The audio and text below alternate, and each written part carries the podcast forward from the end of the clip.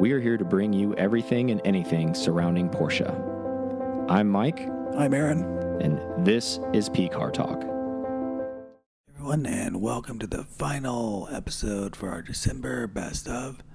This episode, we got Ray Schaefer, where we're, Mike and I sit down at PC Atlanta and the Porsche Classic Workshop, and we talk with Ray about commissioning and just what Porsche Classic does in general. Here we go.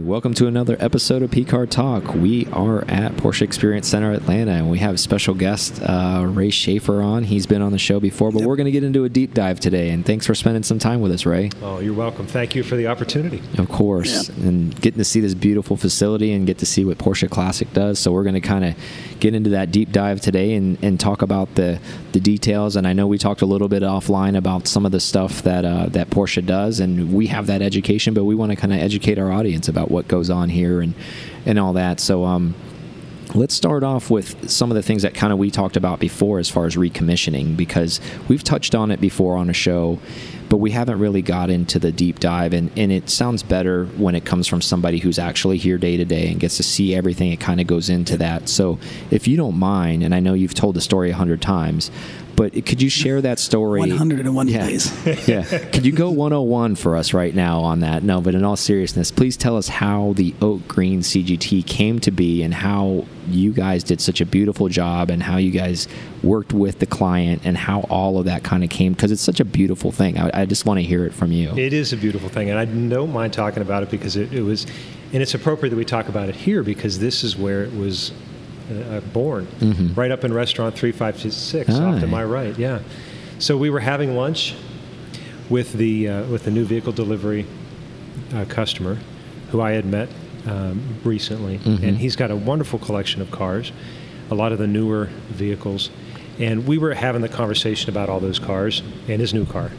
And then, of course, as is typical in the conversations that car car people have, and I use car guys to mean Mm-hmm. yeah, I think it, guys we, and we, guilty of it too, but we don't mean it that way. I, Right. we understand what you mean. Right, because we, we get to enjoy everyone. Um, so we were having the conversation as typical.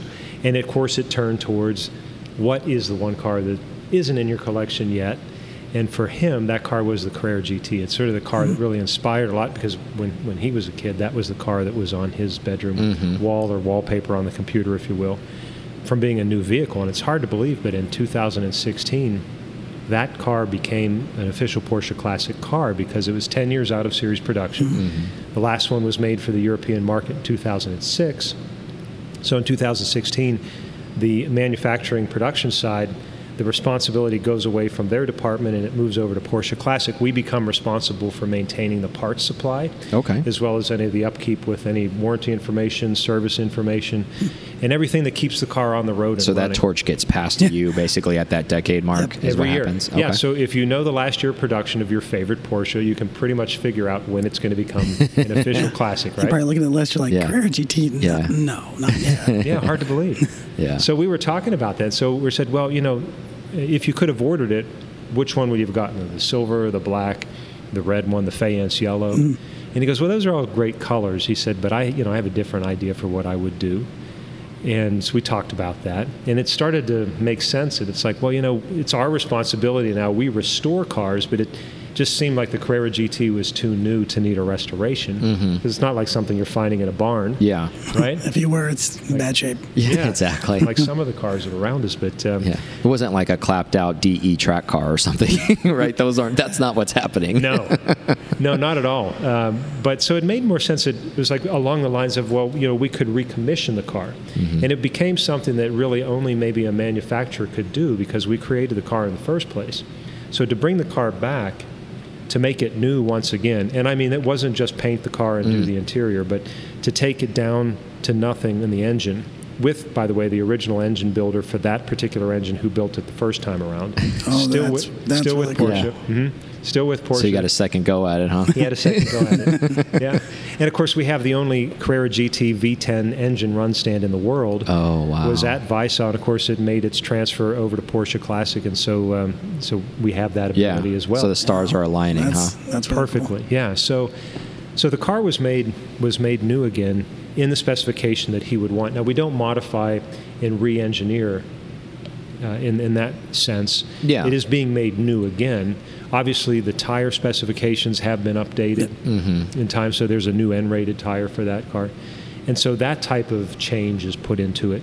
But to be able to to give a new Carrera GT again, along with the paperwork that when that car goes into any dealership anywhere in the world, and they put that serial number in, we'll be able to see in our system that it started its first life as a GT Silver example, Yeah. and now it's oak green metallic. That's incredible. So it's completely documented. Yeah. And yeah, that would, that idea was born here. Now, was was that something that was kind of talked about, and then we had to see if that was something you could deliver on, or was it one of those you knew you could deliver on it, and was you wanted to see what the client wanted to do? Like, how was that? Like, It was a lunch conversation. I mean, okay, we were just so then it was talking like, let's just see. here. Yeah, so you're just kind of like, well, let's see, what, we can do. Yeah. Yeah, it's Okay. like if you're sitting here talking to me and you said, you know, I want a 996 GT3, Mm-hmm. right? And, and and you found one that is a uh, mostly track car Yeah. and it's been converted over, right? But you want to have it back to a showroom example. Uh-huh. And while we're doing it, why don't we change the color? And Yeah, yeah. and so- you're like, yeah, let's do that. You know, so oh, that's great. yeah. And and and I know you kind of gave us the Cliff Note version, but I just kind of want to touch on some of the highlights of that car because it's so special. Just the man hours on the carbon fiber Yeah, polishing, that's, right? That's the Right. thing that amazes me Uh, every time. I see that incredible. Before and after. Yeah, that. yeah, it is. Sometimes the, if the car's exposed to the UV rays, the, Yep, um, the the yellow effect. on the clear. Yeah. So in this case, because we had the car down to the tub, we're able to look at that and then go to work on it. And so imagine you're you're this craftsperson who gets the gets the charge to remove the clear, which requires like a wet sanding Yeah. to do right. But you have to take it down just to the level where you remove the clear and you don't touch the carbon fiber weave, yeah, right? And so I mean, no pressure. yeah, millimeters, right? And you're like, that this is all you have to like mess with, Right. And and you want to preserve the original, like you said, you could like, oh, we could have just put new carbon fiber in there and just been done with it, but we wanted to keep is They're all the original, going, original stuff with the car, right? Yeah. Like, Right. and I just find that to be amazing, like the detail that went into that. And then on top of that, the the process with the wheels too. Could you talk a little bit about Yeah, that? the When you guys had the, the plating? Yeah, the wheels. Now, of course, they are the they are Carrera GT wheels, Mm-hmm. and again, we don't we don't really change or deviate from that because there there really was no option in a different wheel for that car. Of course, center lug uh, on the car itself. Because in the case of a restoration and in the recommission, we do try to preserve as much of the original car as possible and only replace where it's absolutely necessary. So in the case of the wheels, he was inspired by a traditional color combination, and the same was true. Loved the wheels that were on the Martini 935. If you remember the BBS wheels Mm-hmm. Yes. with the bright trim around the outside and the gold finish in the middle, just loved the way that looked, and thought that that would work really well with the oak green metallic. Absolutely. Yeah. So the trouble, of course, is that the wheels on a Carrera GT are Yeah, magnesium. exactly. And you can't. Yeah, Nothing you, wants to stick to them. Yep.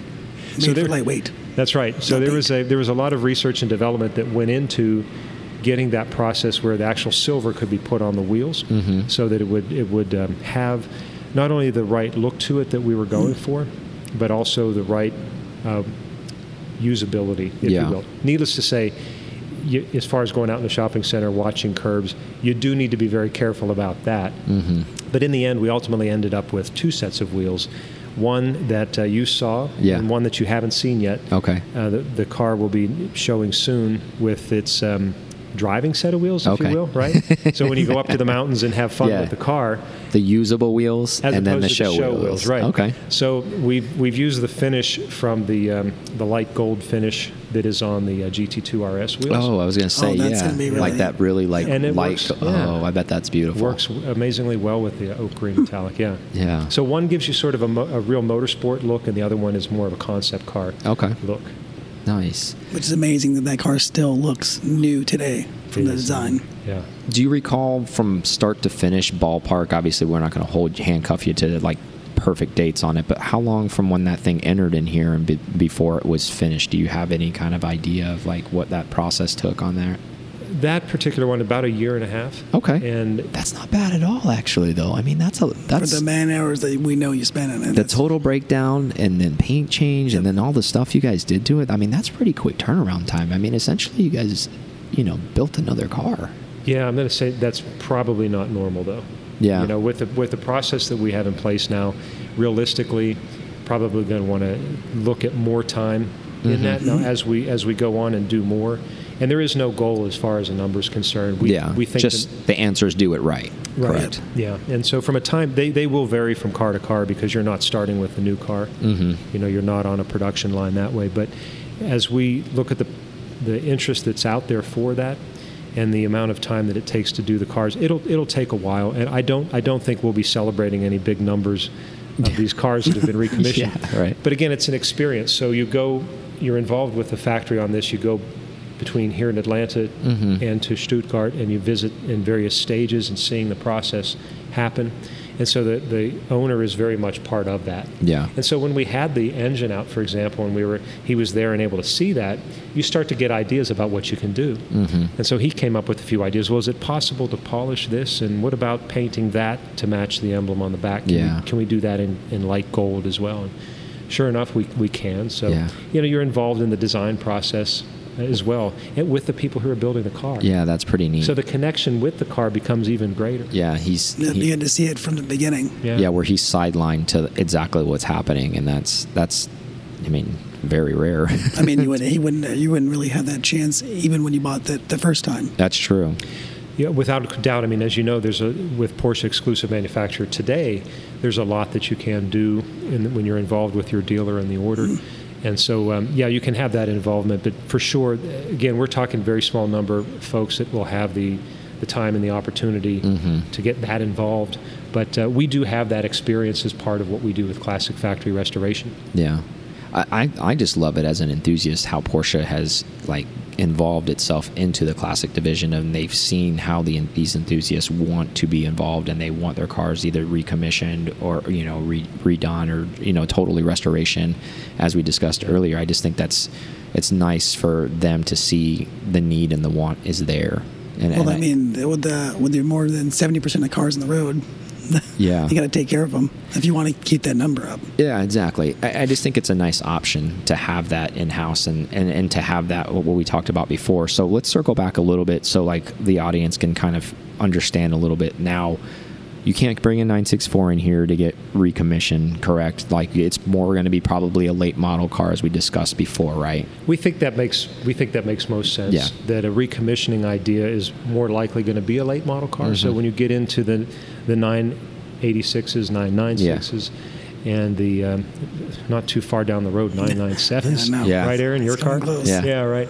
Uh, so as we get into the later model cars, since they're less likely to be barn finds, and Mhm. even even what we were talking about with the GT3 and the 996, you know, a Yeah. lot of those cars, 04s, 05s, were were driven on the street and then eventually found their way into track days Yes. and then start to get heavily modified. So I could I could see the potential in the future for someone coming in with a car like that Yeah. and saying I want to make this like it just came out of the factory again Mhm. and does and it do have to- maybe like a PTS color on it that might have not been Right. when it came out. This was a silver Right. car, but I like ruby stone, or I want to do mint green, or something funky like that. And That makes sense. You could do all Yeah. that here. Whereas you know if you have if you have um, a 964 or you have a uh, 80s turbo like this one over here, Mhm. you know those cars uh, they really are more of a restoration at that point. They've been around longer. Yeah, that makes sense too, though, right? Like i- as opposed to because then the onion gets really deep when you start going and back to that, right? Like how many people have touched it, how many independents, like we kind of discussed offline a little bit too. Like, is this actually factory what they did here? Was this an option? Because there were so many things that maybe that we don't know, and then now it makes the job of you guys hunting something down really difficult to say this is or this isn't and Yeah. that then you run into as opposed to something maybe late model like oh you you have an you know a 2004 turbo s or something and you want to bring it in here and bring it all the way back and do a funky color on it or something like that Yeah. right Well, for sure. I mean, as, as time goes on, the computer technology gets better, Mhm. and the record keeping of what's there from the 2000s and 2010s, It's probably a lot obviously better, yeah. a lot better than what it was. Yeah, for sure. Because in some cases, you go back to the 50s and 60s. I mean, it's all handwritten Mhm. and transferred, and so sometimes it's there and sometimes it's not. But it is one of the benefits that we have. In, in working on these projects is we can go back and, and take a look and say you know what was the the interior. Some cases, you know, the carpet's different from the headliner to the door panels Yeah. to the seat material. And of course, from a supplier standpoint, where we can work with the original suppliers, we can we can go back to them Mhm. with that. So a lot of that oh that's knowledge nice to is be all able there. to go back to maybe who produced Yeah. that part at that really point can't get any more OEM than that. Yeah, that's that's a. I well, mean, the Fuchs wheels that we do now are Mhm. those are they're Fuchs wheels. You know, Yeah. They were made by the same company. They also happen to make the wheels of the new cars. Okay. A lot of people, of course, Yeah. know that name. Yeah, exactly, with right. the iconic design, but Uh-huh. the fact is, the good majority of the wheels on on the, most of our cars are produced by them. Oh, nice. And now, as far as restoration goes, you can go all the way back. We have a lovely 356 sitting behind us. You guys could do something all the way back to that era, right? And do that from ground up, if the, if that's what the customer wants. Absolutely. We have a uh, 56 coupe right now that's going through that full restoration that was at Rennsport that Mhm. folks might remember Yeah, from yeah, inside the the, silver one. building. Yeah, yeah.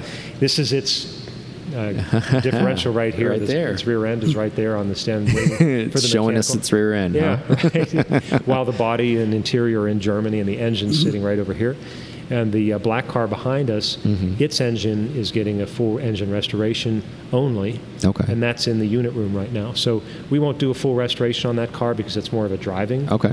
And again, that all starts with making sure the foundation is solid to begin with, uh, because you obviously don't want to put a new engine into a less than solid yes, foundation. Absolutely. So uh, once that checks out, hmm then we can do the mechanical part. Okay. So uh, between you and Stuttgart, is it more Stuttgart's more body body stuff, paint, and that, and then you guys are suspension, motor work? Is that the split between that? Given the capacity that we have right now and the space that you see here, yeah, that, that allows us to do the majority of the mechanical work. Obviously, when we're when we're doing uh, body, if there's slight issues and things that can be taken care of, obviously with Porsche-approved collision centers, we can take care of smaller minor needs here. But this car, the 911S next to mm-hmm. us here, as I showed you earlier, Yeah.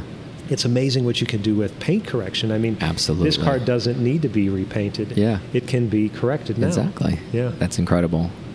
So, and and I'm glad you brought up as far as like you guys kind of do the diagnosis. So, can you walk us in if somebody wants to come in and wants to do something here as far as their car and they're kind of they're not sure what they want to do. Do you guys kind of almost how a patient goes into a doctor's Yeah. office and you look at the car and you you're like, let us diagnose what's going on with your car first, and then let's go uh, game plan what what we can do or can't do. Is that how it goes? Absolutely, it does. It, it starts either with a phone call or an email or a visit at one of the many events that we do, and then from there you build the relationship and say, well, I have, I have this uh, white turbo, for example, that's Mhm. behind us, and this starts out as a conversation and say, well, you know, I I think that the body's okay. Uh, but obviously, it's not running. It hasn't run in 10 years. You know, that type of story. And so we talk about it at a very high level about what we think it may need but and then it starts with an exchange of photos. You take a little bit closer look at that but that only can tell you so much. Yeah. and that's really just again very high level discussion. Because at that point then you have to make uh, the the time and the appointment in this case it doesn't run send the car in Yeah, and you got to ship the car at that Right. point, right? right so the car And comes in. you have to receive the car, and then it takes a spot in here, and you Yeah. guys are Walk pushing it around. around, and and you do the walk around the car so that the technicians look look at everything. Mhm. And we we have extensive paperwork that establishes the baseline of what the car is right now, and from that you have a prescription of what do you want to do, how far do you want to go into this, because you can start with that, but you just continually funnel this down until you get to the end of the project because what we think we have just looking at on the outside as you start to take it apart and get in there it could be better than you thought or it could be worse than you thought And or it could be it's the better. That's what. right. or it could be just fine too in that respect Yeah. what you thought so anything's possible in that respect but you just continue to refine that down and that requires constant communication with the owner with the customer of the car mm-hmm. to determine that and it's an ongoing process. Yeah. that uh, really doesn't end until the car is being loaded in the trailer finished and on its way back home and even after that tuning and conversation I would say, like, I guess, if, thank you for that explanation because then your your intimacy with the client is probably way bigger than almost at any level, at, you know, throughout, you know, you know the Porsche line. Not saying like, oh, mm-hmm. one's better than the other, but just saying like the the level of intimacy, intimacy, excuse me, and communication that has to occur between you and the client is is second to none probably because you're like, okay, well, here's the deal. This is where your car is at, and it's almost kind of one of those situations like you, you tell us where you want to go with this and i'll tell you what that's probably going to look like so Yeah, no doubt, and we recognize we recognize the time that it takes to develop that, and that's why we have classic partners because they realize that it becomes the responsibility and the desire of the classic partner to recognize that they'll have to give the time as well to have that type of conversation Mhm. because these cars require that. The newer cars, not so much because you come in, it's relatively right, it's new, and here's a loaner car while we figure this out. In the case of these cars, there is definitely a lot of back and forth, and it's time consuming. And so, a classic partner definitely raises their hand and says, "We're you know we're willing to have that Mhm. dialogue, take that time, have part of that process here as well." And so, yeah, it's it's definitely a, it's a, a a way of going about the relationship in the business that's taken very seriously. I'm glad you brought that up because there is quite a bit of vetting process when you guys select a Porsche Classic partner, isn't there? When when you decide, okay, I think that you guys have the culture, you guys have the right mindset. Not saying like you personally, but you know when they make that decision to to, to wave the wand and basically Right. knight somebody as one of those, you know.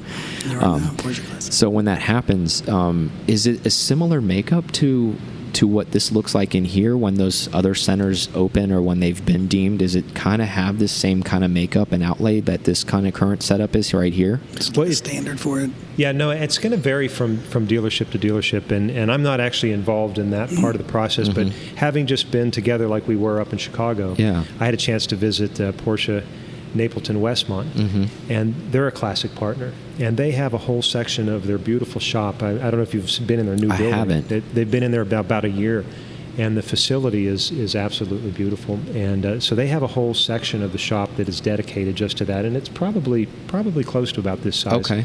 Uh, it's laid out a little bit differently. But uh, yeah, they're, they're very dedicated to it because it also is in through the parts end of it as well because that is really the majority of what the Porsche Classic program is about is the genuine parts Mhm. to keep that 70% or more Yeah. of cars with the parts they need so they can be used and driven on the road. That's, that's the driving factor behind all of this. And so their parts department has to be very involved in that. They're involved with Porsche on it as well because they have the ability, when they search for a part, when they go into, we call it the PET 2 catalog. That's the system that we have where all the parts are listed. You put the VIN number in and you see what you need, and the, the diagrams are there so that you can see exactly the part number. And one of the first questions that when we look something up is does this need to be in the catalog? Mhm. Yes or no. It's a real simple, and it's 100% hit every time. It goes directly back to Germany.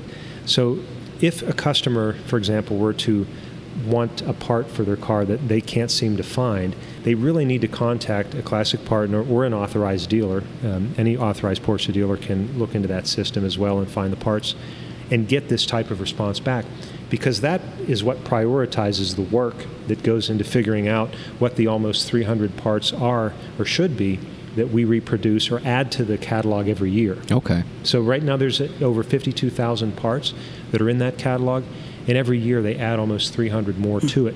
So how do you figure out what the priorities are? Mhm. And when when it's worked through the system that way, we get a much better input to learn. Yeah. I remember you and I talked a little bit about Rennsport um, at Rennsport about the process and talked about how difficult it is for a part to actually Oh. show up. Yeah. Right? Like, and you described it so well. a- And can you talk to the audience a little bit about that? Because I didn't know that before you told me that whole conversation of I had no idea it was that challenging for a part that you would think would be so simple to be made to actually be out there for to be used. Right, and, and nowadays with 3D printing, everybody thinks, right, you just, well, that, how the problem button is this? Yeah, what's the problem? You got a 3D printer, just make the thing. Put it right out there, right, but it's still Porsche, right? So it still has to have its performance, its longevity, the endurance, everything that you expect of it, even if it is just a plastic grommet or, or whatever that part may be, whether it is done by 3D printing or, or any other method.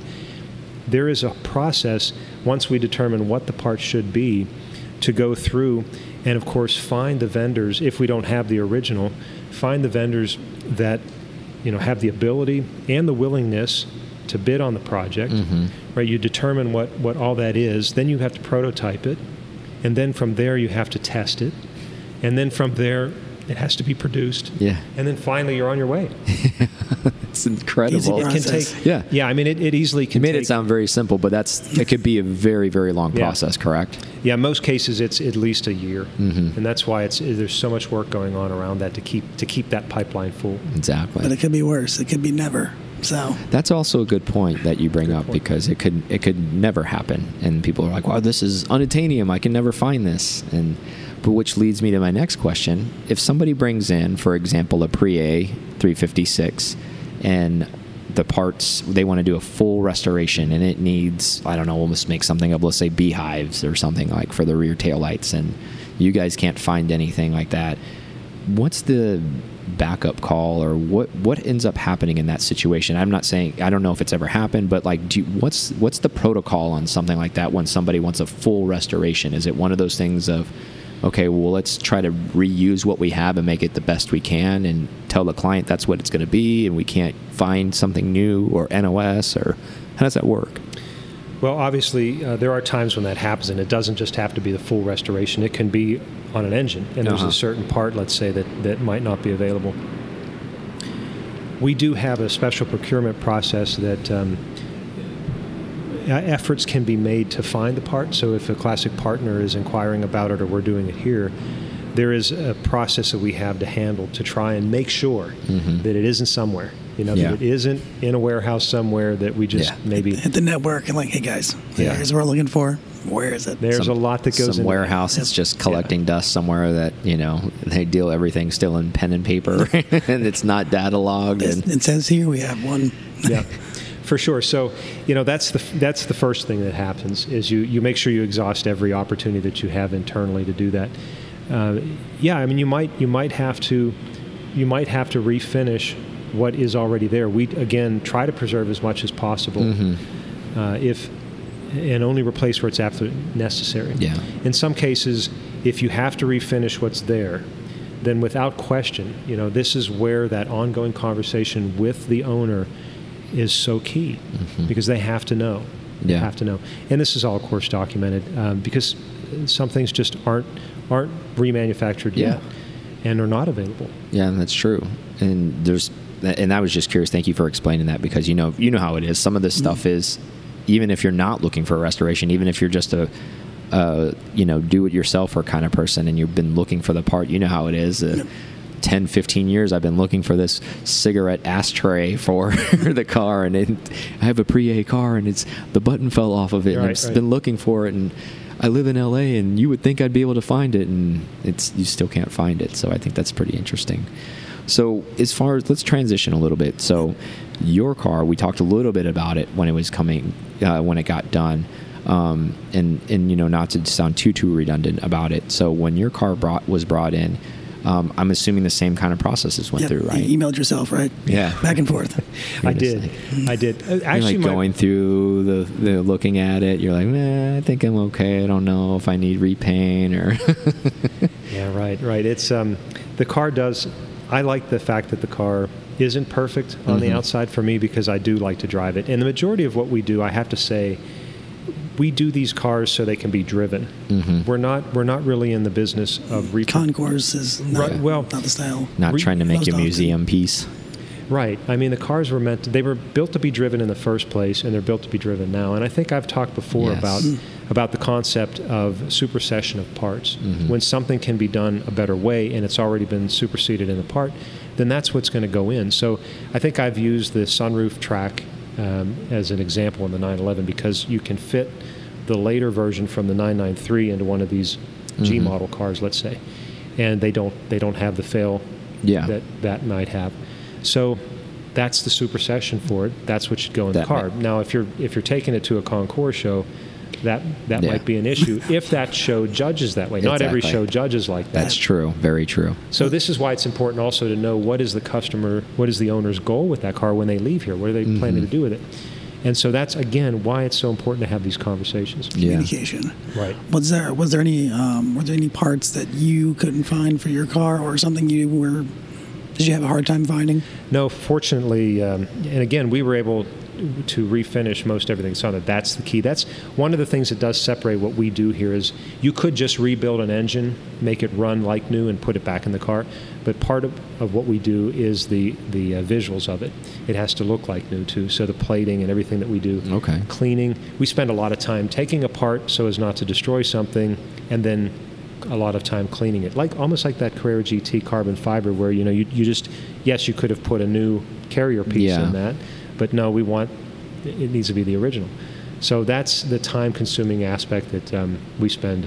Was there any anything that popped up on your car that was kind of like, oh, gee whiz, or wow, that didn't expect anything like that when you guys were going through? I know you guys did an engine rebuild. Is was there anything that kind of popped up It surprised you, or you know, positively or negatively? I yeah, mean, I mean, you know, at sixty-four thousand miles, you could question, did it really need to yeah. be restored like I like I did it? Yeah, uh, probably not you know, but it had a broken head stud, so we were going to have to take it down anyway mm-hmm. and do it. And since the opportunity was here, and as I as I pointed out in Chicago, it the work was kind of done in between the other uh, customer cars. But that said, I waited my turn.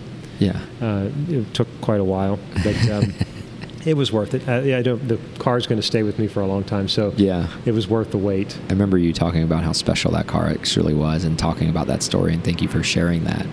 So let's get to the staff that actually works here. Like how many how many people you know are working in this division in this this area and putting hands on cars, and what's that staff look like? There are five that are on both sides here that that work together on okay. the project. Uh, Jack and Kellen are the two specialists that we have on the uh, on the classic side. Okay. Tom, Chris, and uh, Tommy are also involved, and so we're able to, uh, depending on what we're doing, mm-hmm. able to work as a team to keep to keep that moving along and to keep the quality where it needs to be. Uh, Jack will celebrate his 50th year as a Porsche technician wow. next year. Wow, so, yeah, some tenure right there. Yeah, it is. yeah. That is a brain full of knowledge, I bet. Yeah, and if I'm not mistaken, I, I think um, I think Kellen will probably be celebrating 20. Is it 20 or 22? Right in that. Some range? higher tenure right there. Yeah. Huh? Yeah, that's amazing. So he, he started very early too, just like yeah. Jack did. Yeah. Nice. So as far as okay, so just like your vetting process and making sure the cars are right and, and, and the dealerships, I'm sure that goes along with the personnel that are in here too. Yeah. Like how does that how does that look like? Does it because uh, does it go from somebody who's maybe worked on these cars, like you said, it has all that prior knowledge, maybe when these cars were new or not even at least new, but they were continuously being serviced at the dealership before they went to independence and they started to disappear at a frequency. Do you guys look for somebody like that has that kind of background, or what does that look like? Are you talking about from a technical from side? a tech spot? Yeah. yeah. Well, you know, look at they're both both um, both Jack and Kellen have Porsche dealership background and training, but you look at you look at um, DJ, mm-hmm. our client service specialist, not only did he work uh, in Porsche service lane, interacting with customers, all the communication like we've talked about, but he's basically born into the brand, as I, like to say, because his his father has been a um, long time uh, after sales manager, uh-huh. uh, looking over the regions here in the United States for the technical care of the cars. And he was born into that family, so I don't know if he had any choice when it came to yeah, working with Porsche. Didn't matter, huh? But he's definitely it's in his veins. And so his ability to talk to the customers and the owners of the cars to understand what, what the issues are, what they want to do, that his that ability is just outstanding. And so he's the technical person from that end of it. I'm certainly not. That's not my background on mm-hmm. the technical side. He is. And then we have Zach on the parts side of it, who just you know his he loves to find the things that you're not supposed to be able to find. You know, the mysteries that are in these cars. Yeah. Like we were talking about some of the build pieces and what have you that are on it. Is that he's, factory or is that something? He's that, the treasure hunter. right, right. And so he's um, he's just again all, everybody that does their their part in this is so dedicated to it that that's really what makes this kind of magical yeah. come, come together so well. yeah. yeah teamwork. Yeah, that's awesome. Now, thank you so much for sharing all that. And so let's talk about the facility as a whole, right? What a great facility, you know, uh, Porsche Experience Center Atlanta. And so you guys host a lot of events here, um, Rare Shades, yeah. you know, other yeah. events that you guys have. And like you said, that, we're here for race weekend.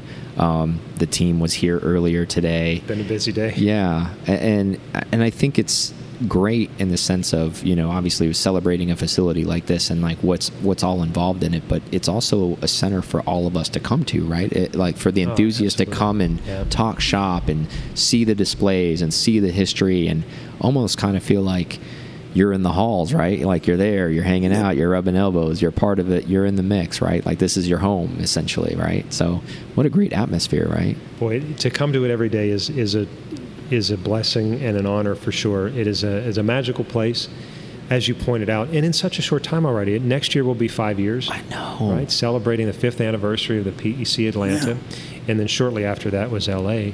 So the, these experience centers. I mean, when you think they were first announced about 10 years ago, Mhm. this uh, the property here, this would come together.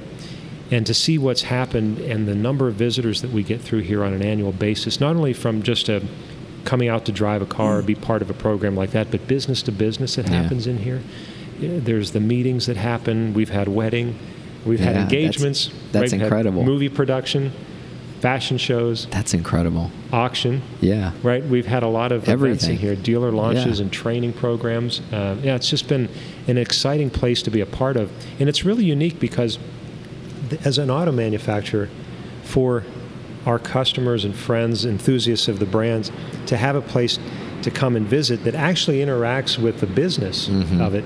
That that is, I don't know of too many places that are like that, where you can actually drive on our test track, Yeah. right? Exactly. And it's Where- not Epcot Center, so it's, exactly right. Where the where the secret sauce That's true. all happens at the same place, and it's just it's an amazing place. It really is. It, and there's there's kind of a feel when you're here too. I, I every time I come here, you know, I'm not saying that just because I'm here, but it's just there's something different in the air when you're here and and I know everybody that I'm friends with that's enthusiast like it travels for work anytime they are in Atlanta they by. always come by Yep.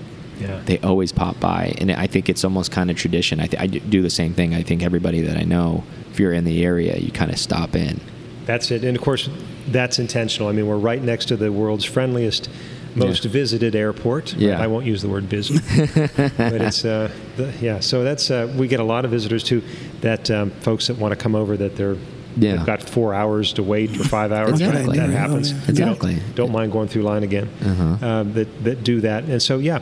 And of course, restaurant 356 we talked about earlier. Absolutely. You know, you can go on open table and make a reservation so folks come in for lunch and dinner. Mhm. And of course, we keep the environment changing all the time with the exhibits and the Heritage Gallery and what Which you is see. cool. yeah well that's an outstanding thing too you're always changing the visual scenery which is it makes you want to come again right like what, Now, what's you're what's keeping up with like what yeah. the same Yeah. way the museums. yeah what else well. is what else Which is there this time Well, and let's not forget too, the model line is ever changing. yes And so that which means we have to change the pictures all the time in the but uh, the cars that are that are here, the 992 as you saw earlier, Mhm. starting to make its way into the fleet now.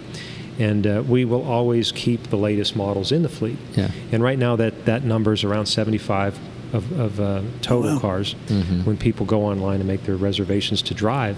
So if you're just an enthusiast and you you know you're reading about the 992 and you want to know what that's like, you don't have to just read about it in a car magazine where you don't have to just watch the YouTube review. Exactly. You can uh, you know you guys do the review Yeah. and then come out and try it for yourself yeah here. listen to us LA. and say go drive it Right. Yep. you need to go drive Go it drive it, and this is where you should drive it you can do that. Yeah. Yeah. And and also, you know, with with a talented person in the the, the passenger That's the seat with instruction you, would always helps. which is just paramount. I think that's I think that's really not talked about enough in my personal opinion because I think the the, the personnel who work here that are Oh. on the track, they're just they're so great, they're so friendly.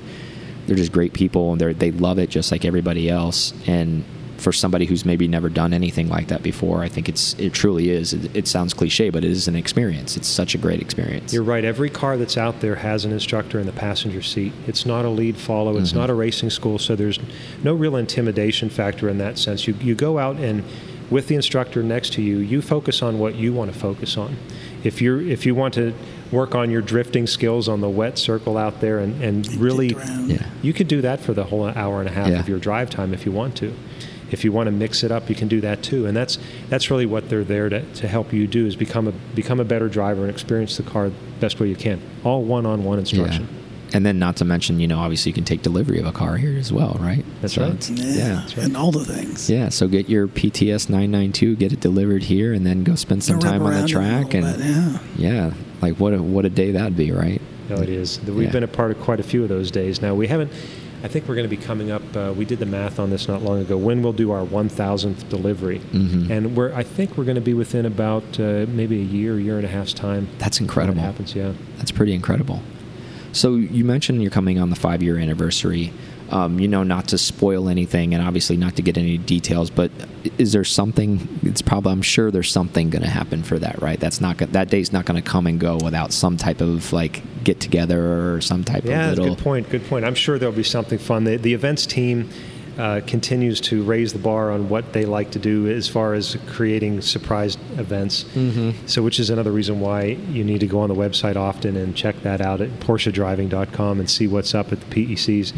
Uh, and of course, on their Facebook page, they announce a lot of things there too. So, social media, as you know, is big. Yeah. Right. So that's uh, how they get the word out about that. But yeah, you know, we're also next year celebrating 20 years of the Porsche track experience. Mm-hmm. And so you look back on everything that Porsche as a company does to educate drivers about the cars and the human stories that are around that. Because how many people have had that experience? I mean, having sold the cars back in the early 2000s, I remember a lot of folks going and doing that at Road Atlanta when we had the school there, then when Barber Motorsports Park opened, Yep.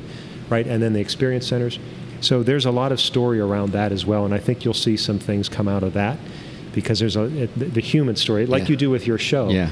That's really uh, where people can start to connect on their own experience. Yeah, I think Porsche as a whole does a really good job of that as well. Like they're really in tuned with the enthusiast to be able to tell the human story of like why Porsche means so much. And there's such a rich history behind Porsche with so many individuals, you know, not just one, but there's so many people who do so many things outside of the main brand, but almost kind of adjacent to it.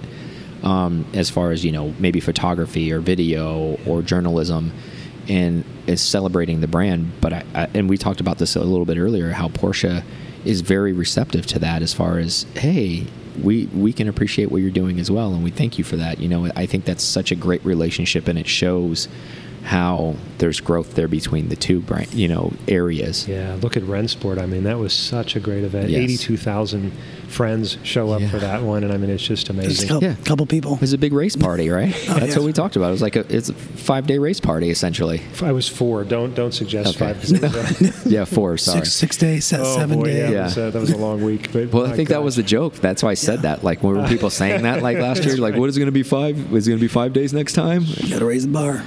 Yeah. Start Yeah. reserving your place in Monterey now because it's going to be booked out for a long time, right? So yeah, I mean, it, just as a brand, I, mean, I know we're celebrating because obviously we are in love with the brand. But it total, and if you're listening, you got, you must be in love as well, or, or hopefully you are, or getting yourself educated. But it really is, you know, it's it's a community, and and I think every once in a while, you know, I don't want to touch on it too much, but you know, you meet somebody who maybe has a stereotype or a stigma about the brand, right? Like those guys are, you know, you know all the, the sayings that go along with Porsche, and they're like, but they're but they don't know the actual history. They don't know the relationships. They don't know. They just know what they've heard from other people. Yeah. And I think one of the things what we're doing is we're trying to break down those barriers, right? Like, and we're showing people that it's actually a real community. You know, It's a very not, approachable. yeah, it's not one of those things where people think that, oh, well, I can't talk to you because you have a Porsche. And it's like, it's the exact opposite. And we've been telling people that for a long time. And I think it's starting to maybe people are starting to figure that out. Do you Yeah. kind of agree to that? Absolutely. We were having a conversation with another fellow this morning as we were walking through the Heritage Gallery, and there you have the 914 exhibit, 50th anniversary of the 914. And on the other side of the hall, you have the Carrera GT, hmm right? And you, you just, if you look at if you look at the uh, now the 914 values are starting to come up, but the 914 is a very approachable, collectible car, Yes. classic car that if somebody wants to enjoy, you can still go out there and, and do that. And you look Mhm. at you look at the 996s and the 986s and Yeah. the Boxsters and 911s of that era. Look at how the 964 has turned. You know that Mhm. that changed around. Everything finds its way eventually. It seems like. But I what, agree. What I love about the brand is that when you go to an event like Rennsport, it's all there, Mhm. right? And you're all welcome. Yep. And that's and everything's well represented. Absolutely. And the books that are out there, you know, the magazines that you read and you see, it's usually a really good spread because it's just it's so different. You know, Mhm. it's the Porsche principle applied to different layouts, front engine, rear transaxle, mid-engine, rear engine, hybrid, gas, electric and- Yeah. And I think we talked earlier too, and I think it was a great point that we discussed. If you're an enthusiast of Porsche, you're an enthusiast of all lines, not just one. And I think that that describes a real enthusiast. And not saying that to be negative. I'm saying like love all of Yeah. them. Like because they're all special in their own right. Like if you look at almost kind of the purpose behind and you do your history behind the specific car and what it was built to do. And then you start to see, you're like, oh, and Yeah. now the light bulb goes off. And now you're like, okay, I know why you exist now. And now I know why you exist. And you start to appreciate those things for what they're what we're meant to do. Right. We did an event out in LA recently, well, after I left Chicago, as a matter Mhm. of fact, and it was to celebrate the 914 on September 14th. Yeah. And the specialists, the people that were there around that model, are so knowledgeable about that. I love the I love the sub brand element that we have. Mhm. And then here, uh, we had a 928 event. It wasn't on 928, but it was actually a month or two earlier than that. Um, and I was amazed at the number of people in cars that showed up for the 928. Yeah. And uh, upstairs where we did rare shades last year, in the same area we had we had about 60 928s, and some of the best examples that, from the, 928s. that have come from all over to be here. I think I saw you on a YouTube thing or something like that, talking I and did. I like made- narrating. Mhm. Right? That was that was excellent. It was amazing the the um, passion around that model. But you're right; they're they're like branches off of the Porsche tree, hmm and that's one of the things that I love about the brand is that there's so many ways. I think what you said it earlier. Somebody said to you, "Well, don't you run out of things to talk about just focusing on Yeah. Porsche?" Yeah. That's kind of funny because yeah, it's kind Yeah. of hard to do that. Exactly. No, because there's there's branches in this. Well, tree. exactly, and, and there's so many, and then it goes back to stories. There's infinite amount of stories, and I'm talking to all of the listeners out there. You all have Porsche stories, and we're all, and Aaron and I are always looking for them. Yeah. And it's not that you have to carry a big name to have a story. Like we want to tell everyone's story, and everybody has a unique story. It's like you hear those, and you and I talked about being jealous, you know, of of other people's, Oh, like Mikhail, Owner- Mikhail's story, right? Like yeah, we these just like- ownership stories. and they're like, "Oh yeah, we found the car when I was 13, and now I'm like 53." And it's like, "What? Still have you have the car this whole time?" It's like, "Oh, I envy that like long, you know, re- monogamous relationship with that Porsche. like, the why, why can't I? Why I want one of those? You know, I want to be able to. I want. I want to be in that club. But you know, we go back to like that recommissioned story about the Carrera GT. What attracted you first was seeing it somewhere. And so, personally, I have a 911 now, but I would actually really like to have a Boxster at some point as well because I remember being at the Detroit Auto Show in 1993, Mm-hmm. not knowing what was under that cover, was there covering a, uh, on a press day Yeah. for a newsletter of all things, and just happened to be there when they pulled the cover off the Boxster for the first time. Yeah. And now that was 1993. Mhm. Now I've had I've owned a 97 and I've had a 99 and other com- various company cars and what have you since then. But there's a connection there with the Boxster. Now knowing uh, Grant Larson, who's still with the company, Yeah. designed the car, having had the concept car here inside our Heritage Gallery, Mhm. And really learning the whole story behind it that way, I feel a certain connection to that model. So Mhm. even though you know you have a 911, it, I, I guess what I'm saying is they're aspirational models in every single car we've ever built Yeah. because what attracted you to it in the first place Exactly. Mm-hmm. right and that again i think is really special about the porsche brand And which is kind of crazy too, because Aaron and I were discussing this because we road tripped on our way up here, and granted it was mostly interstate, but just in our daily travels because we daily travel around, and I'm trying to be in tune with what's out on the road. And we were discussing almost kind of late '90s, early 2000, any Porsche, like Boxster, 911, whatever. We're just not seeing a bunch of them. So we know the we- productions were high. yeah, so- we knew there was a lot of them sold. So that, like we talked earlier, is a page turning. Are these starting to turn that page where you better go get them while you can? And are we going to enter into another phase like we always do with Porsche? I mean, you know, like for the years, like you described 964, nobody wanted it, and then that turned into a thing. Nobody wanted a mid-year 911, then that turned into a thing, and it's like yeah what is it with people and scarcity right? When we when it's there we think i don't want that. And then as soon as as soon as it's you can't have it i want it. Exactly. right?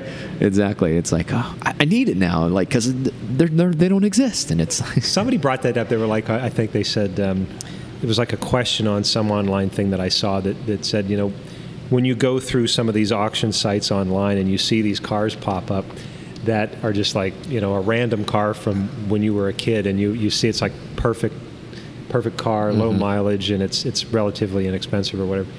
You just like all of a sudden think, well, I need to have that. You know, like, mm-hmm. why do I need a, a, a, a rabbit diesel? Yeah, you know, exactly. but this has 2,000 miles on it. It's Yeah. powder blue and it's perfect. you know, and it it's was like- it's a time capsule. I need it. Right. Yeah, So- I gotta have this because maybe I will transform when I drive that car back to that era. yeah, the classic car enthusiasm for sure is there, and you know the cars become more special too as as we drive the the new cars, which um, are so good. Mm-hmm. You know, you you get into a car, even the 964 now. When I go and drive that, and you can relate to this, you, know, you drive the 997, Mm-hmm. and then you jump in the 964. You know, it's so different. You know, you're up against the windshield. Yep. It's very small and intimate. You know, the, Mhm. your arms right there on the door. You know, you can reach over to the other side of the car pretty much. You know, times change, and so they just continue to to reinvent themselves as Mm-hmm. the experience that they give you. Because that was true when they were new, yes. But it becomes even more of a differentiator today. I think so. I think at each year it goes by, you get further and further separated away from what that was at that time period, right? And then that becomes more and more nostalgic. I think is what ends up happening. Almost looking for imperfect. Yeah. Yeah, I mean the uh, the road trip experiences and things we do. I did the um, the rally Mhm. uh, up in North Carolina Yeah. recently, and I mean it, that was absolutely nothing to do with about the, the speed or the performance of the car. It was just enjoying the the feel of the road, Yeah. that environment with that unique vehicle Mhm. around you. And then the camaraderie it went with it, right? Oh, absolutely. So I think that, and I think a lot of people, and I think that's another element that we didn't really It's a touch on, element, I think. that people outside of the brand. I mean, and to be fair, how would you see it? Because you're not you're not part of the brand, or you're just kind of on the outside. You're tap dancing, and you don't necessarily have to be an owner to have that kind of camaraderie. Like you can come to these events, you can kind of see these people interacting, and you see somebody, you know, maybe I saw you six months ago, and we're car friends, and we don't talk every day, but when I see you six months from then, it's like. Hey, what's up? What's going on? And you're catching up, and That's you're looking at each other's cars, and how you been? And oh, I'm great. And how's the car running? And Isn't you it wonderful? Yeah, it's it's it's an amazing thing, you know. And I love the community aspect of it. I really do. Yeah. For that point, it's like we like we talked about in the previous episode where we said, you know, we've kind of created our own holiday get-togethers Yes. around different shows. It is. that we've created. exactly Different parts of the Yeah, country. Exactly. We it's it's our way to go visit places with cars. Yeah. is what we've done, right? That's it. yeah. That's it. But yeah, thank you so so much. I mean, I know we got a lot, you know, we took a lot of your time today, and no thanks for coming on. Thanks for pleasure. sharing the facility, Absolutely. and you know, we're honored to be here and to have taken the time, you know, and to share our stories and, and to educate our audience of what's going on here at Porsche Classic. Well, we appreciate the opportunity. So whether you're in Atlanta and you can come by the PEC for any of the number of the reasons, always stop by and say hello. And of course, out and about, Yeah. um, I do have to put in a plug just to say, you know, again, I, I mentioned the importance of that part. When you're looking for something, Mhm. please do go through Yeah. a classic partner or an authorized dealer so that if it doesn't exist, if what you need isn't there, Mhm. we can know about it Yeah. in the proper channels so that we can do something about it because we want that over 70% number to be even Yeah. higher. Looking for a 95%. Exactly. Yeah, did we talk about that by the way? Did I say that that the, the, what you referenced was the mm-hmm. fact, and it's a fact that they check every year on registrations in all countries throughout the world that over 70% of and every Porsche model ever built is still registered for road use today. Yeah. And as I've said before, the number's probably higher because there's a lot of cars that do run fine that are in collections exactly that are not registered. that aren't registered. That's a very very good point. We Yeah, and we know many people that have Right. 30, 40 cars that run perfectly fine that they are not registered. right, Correct. yeah. So, yeah, absolutely. That's a very good point. point, and I mean another reason to get yourself into a Porsche sooner than later. It's true. Awesome. Every opportunity. Yeah. Well, on that note, guys, uh, thanks for joining us, and uh, we'll see you on the next one. Right, see ya. Thank you. Thank you so much for listening to this episode of PCAR Talk. Connect with us on Instagram at PCAR Talk or online at pcartalk.com.